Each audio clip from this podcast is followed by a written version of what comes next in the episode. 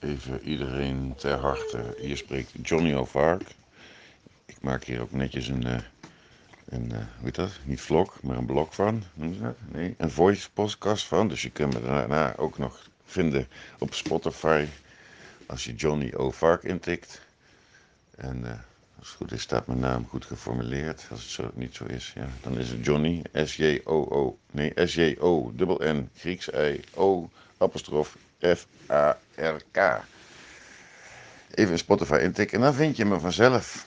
Uh, ik doe uh, uh, vaak de podcast alleen. Vandaag is een uitzondering, want ik heb Alexia naast mij zitten. Ze kijkt me nu grinnikend aan en zo van... Hey, maar we gaan het dus anders doen, want we gaan het vandaag hebben over of demonstraties wel zin hebben. Kom. En zover als ik heb kunnen ervaren met de menige demonstraties die ik heb bijgewoond, dat we daarin bezig zijn met het experimenteren. Waarbij uh, we als uh, objecten worden gebruikt om daarmee te kijken in hoeverre uh, bestuurlijk het mogelijk is om ja, het OM en het Openbaar Ministerie en de, de politie aan te kunnen zetten tot het uitvoeren van bepaalde handelingen. Ja, die enerzijds wel niet wettelijk zijn, maar aangezien het aangestuurd wordt vanuit een meerdere, wel uitvoerbaar zijn. In hoeverre zijn mensen gehoorzaam naar hun meerdere toe en plegen daarbij delicten, ofwel misdrijven, mishandelen, beperkende gezondheid, wel misschien alleen een blauwe plek, of misschien wel iemand de rest van zijn leven in invaliditeit te brengen. En eh, gebruiken en misbruiken daarin de procedures die door de wet zijn geformeerd, buiten het oog van de bevolking. Ja. En vooral die A-status van die virus, want dat is iets wat echt eh, alles heeft getriggerd in de wet om te wijzigen. En maar doorgevoerd te kunnen gaan worden, zonder dat wij nog überhaupt als mensen gezien worden, maar meer als een product.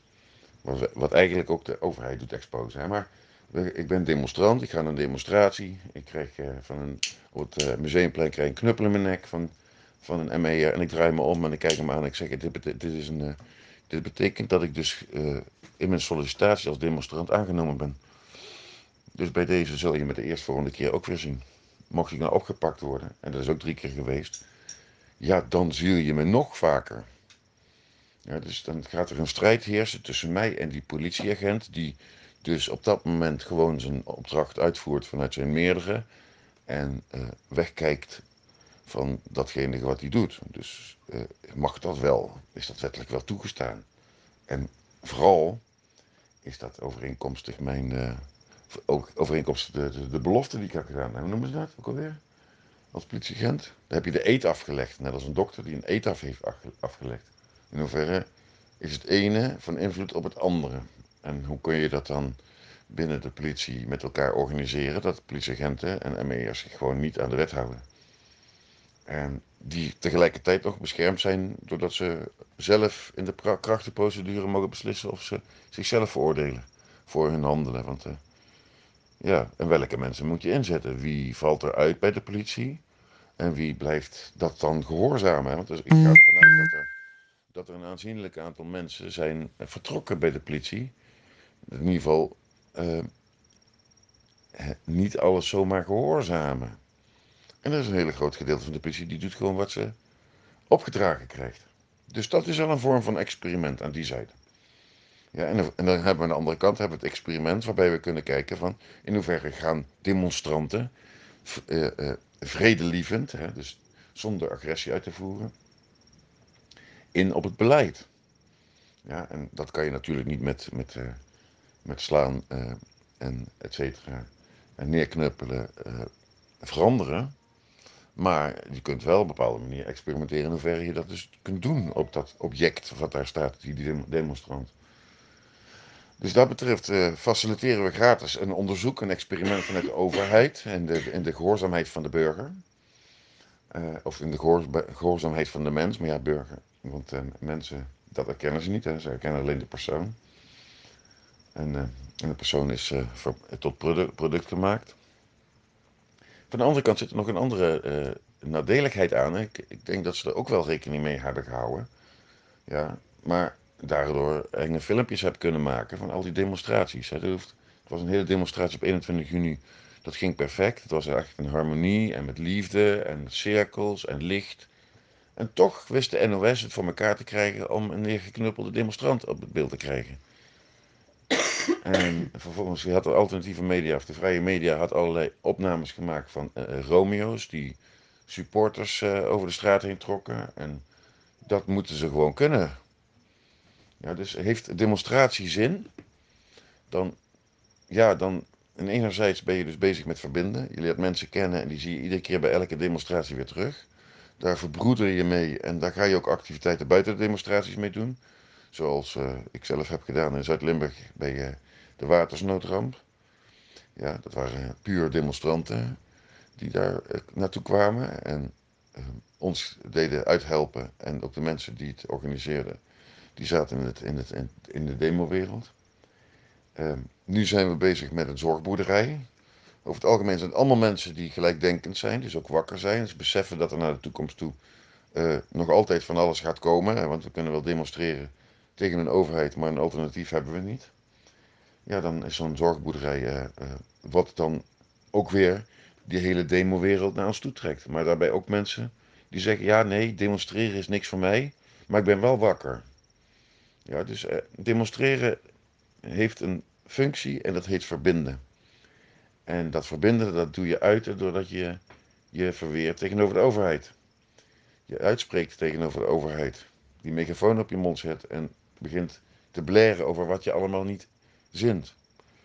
Um, ik heb ook uh, contacten gehad met Extinction Rebellion, waarvan het grootste gedeelte van de demonstranten helemaal niet wist dat, er, dat eigenlijk de, de coronademonstranten hetzelfde willen wat zij willen. Alleen de leiding van de Extinction Rebellion een heel ander programma had. En ook in de media naar, naar voren komt. Wellicht om daarmee meer media aandacht te krijgen als dat ze de werkelijkheid zouden vertellen. Ja, iedereen maakt zich zorgen over het klimaat. Ja, en het is niet vanzelfsprekend dat het in de toekomst allemaal goed blijft. Maar hoe je dat, dat oplost, ja, dat, dat we daar als mensen dan geen invloed meer op hebben, want dat wordt door de overheid bepaald. Dat was bij Extinction Rebellion ook. En dat het dan niet gebeurt. Want dat hele kabalgebeuren daarbovenaan, die interesseren zich helemaal niet voor ons klimaat. Ze doen wel net alsof, maar dan zet je dus niet de, de sluizen open in Lac Gileppe om daarmee een overstroming in Pepinster tot en met Verviers en Luik te veroorzaken tijdens een zware regenval. Dus dat zooitje wat daarboven zit, dat denkt helemaal niet aan ons klimaat. Dat denkt helemaal niet aan ons mensen, maar aanschouwt ons gewoon als kakkerlakken. En nog niet genoeg voor een kakkerlak te voeren. Ja, nee, uh, demonstreren in die zin. Ik zou persoonlijk demonstreren nog alleen maar doen door middel van verbinden. En, mens, en de mensen die aansluiten bij demonstraties, daarvoor ga ik naar demonstraties doen. Om met die mensen te spreken en met, wellicht met de politie of met, weet dat, de, de, peace politie heet die voortaan. Maar op het moment dat er mee aankomt, dan heb ik geen zin meer in confrontaties. Ik heb geen zin om beelden te creëren voor het NOS die niet in mijn belang zijn. Wat vind jij zelf nog van demonstreren? Want jij hebt het erover. Ik heb een vergunning aangevraagd voor, voor elke dinsdag tot 2022. Nee, niet elke dinsdag, gewoon voor elke doordeweekse dag. Maar of ik ga of niet ga, ja, dat weet ik eigenlijk niet. Oké. Nee. En dan aandacht te trekken voor eh, de. Uh, nou ja, uh, sadistisch kindermisbruik en de COVID-hoax. Ja. En zo zijn er nog meer dingen natuurlijk, daar kunnen we altijd nog bijvoegen. Mm Er zijn genoeg dingen. We hebben nu ook de pop. Hè? Ja. De pop uit de Squid Game.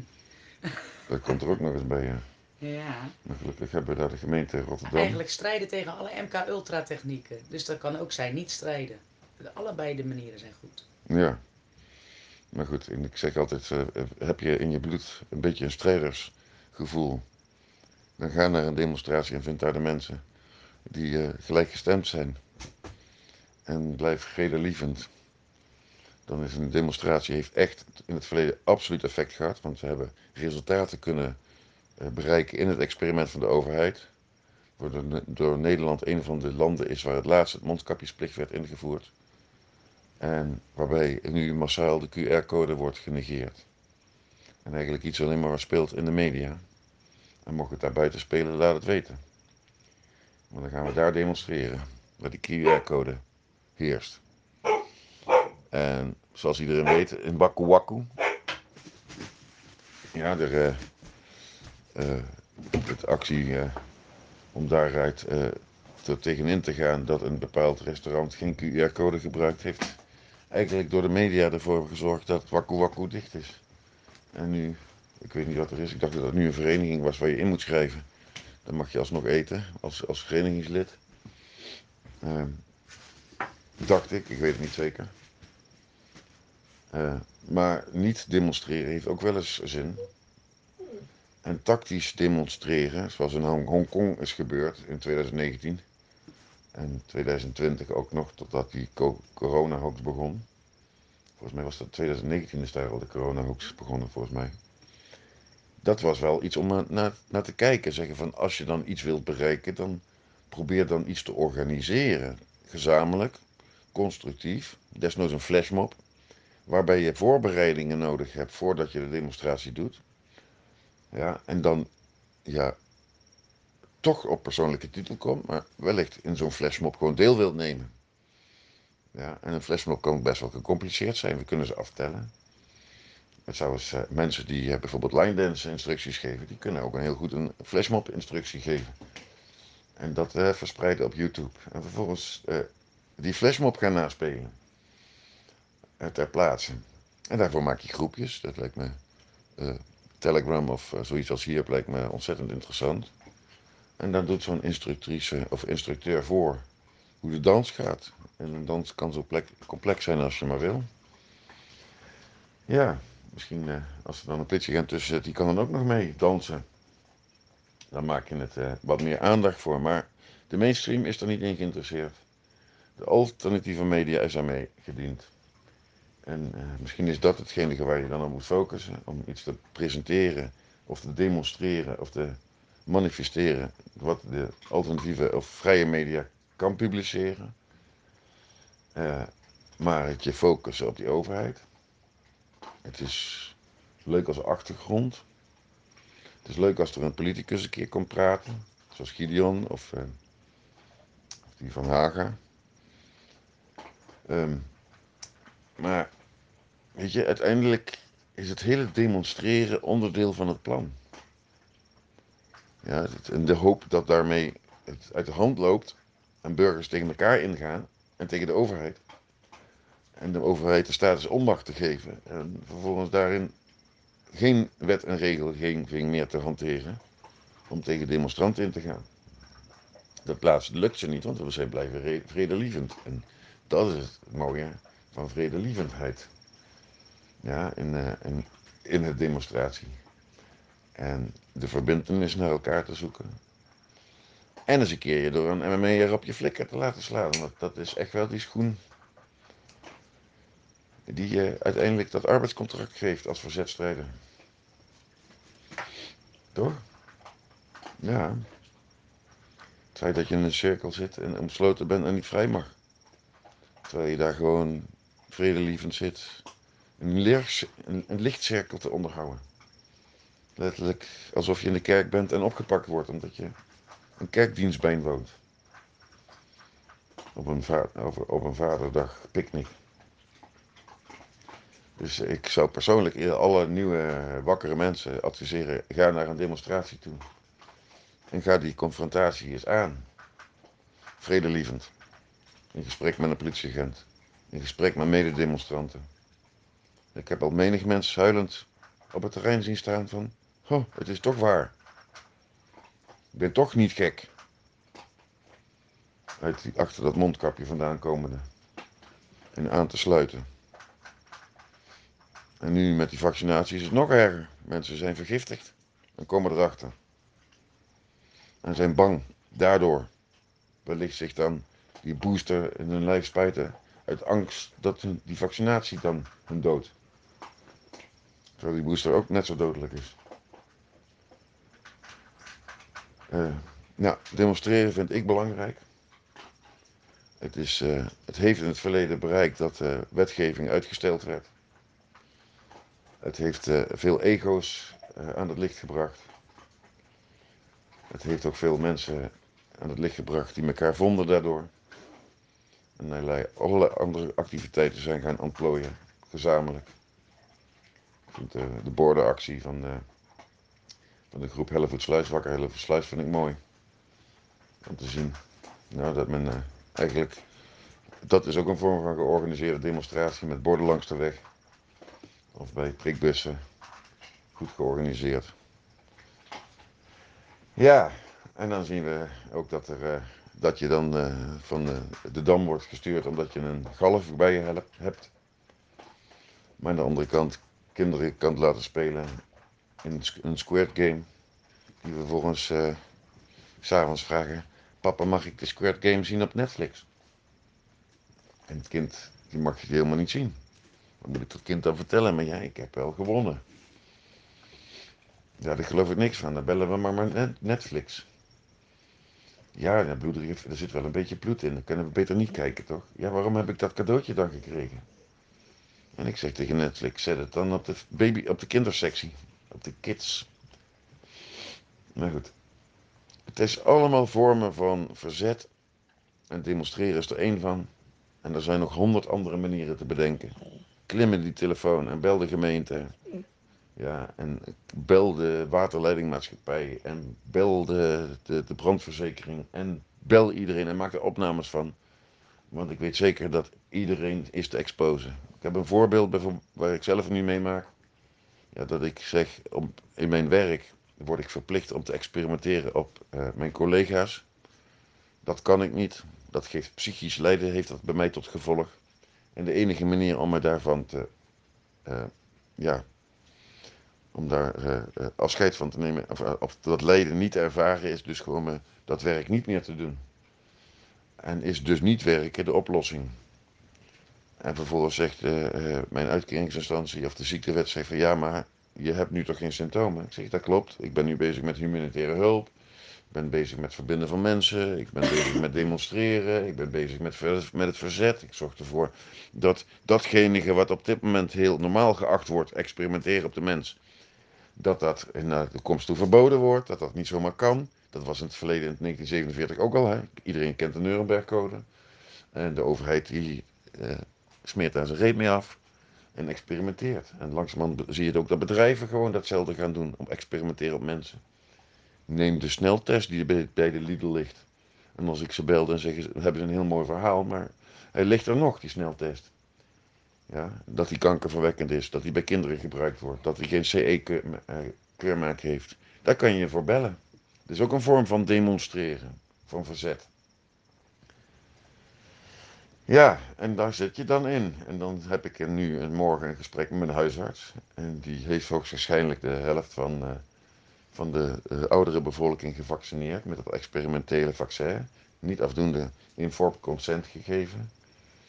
En ik moet hem bellen of hij mij een doorverwijzing kan doen naar, naar forensische psychiatrie, aangezien ik gedragsdeskundig een uitspraak moet hebben van een forensisch psycholoog. Dat op het moment dat ik tot een misdrijf gedwongen word, zoals een mondkapje verplicht op te zetten. Of dat psychisch lijden tot gevolg zou kunnen hebben bij mij en of dat terecht is. Of er een behandelmethode voor is en welke behandelmethode dan het beste geadviseerd wordt. Het zou een heel mooi rapport zijn om dat naar de verzekeringsarts te kunnen sturen. Want ik heb daar mijn, mijn verhaal over. Ja, en zo'n forensisch psycholoog zal daar absoluut niet van afwijken. Dus ook daarin zet, pleeg ik een vorm van verzet. Ga, ga ik een demonstratie aan om anderen te laten zien wat mij overkomt om in die situatie een oplossing te vinden. Skirt Game vond ik ook een mooie. Echt een mooie.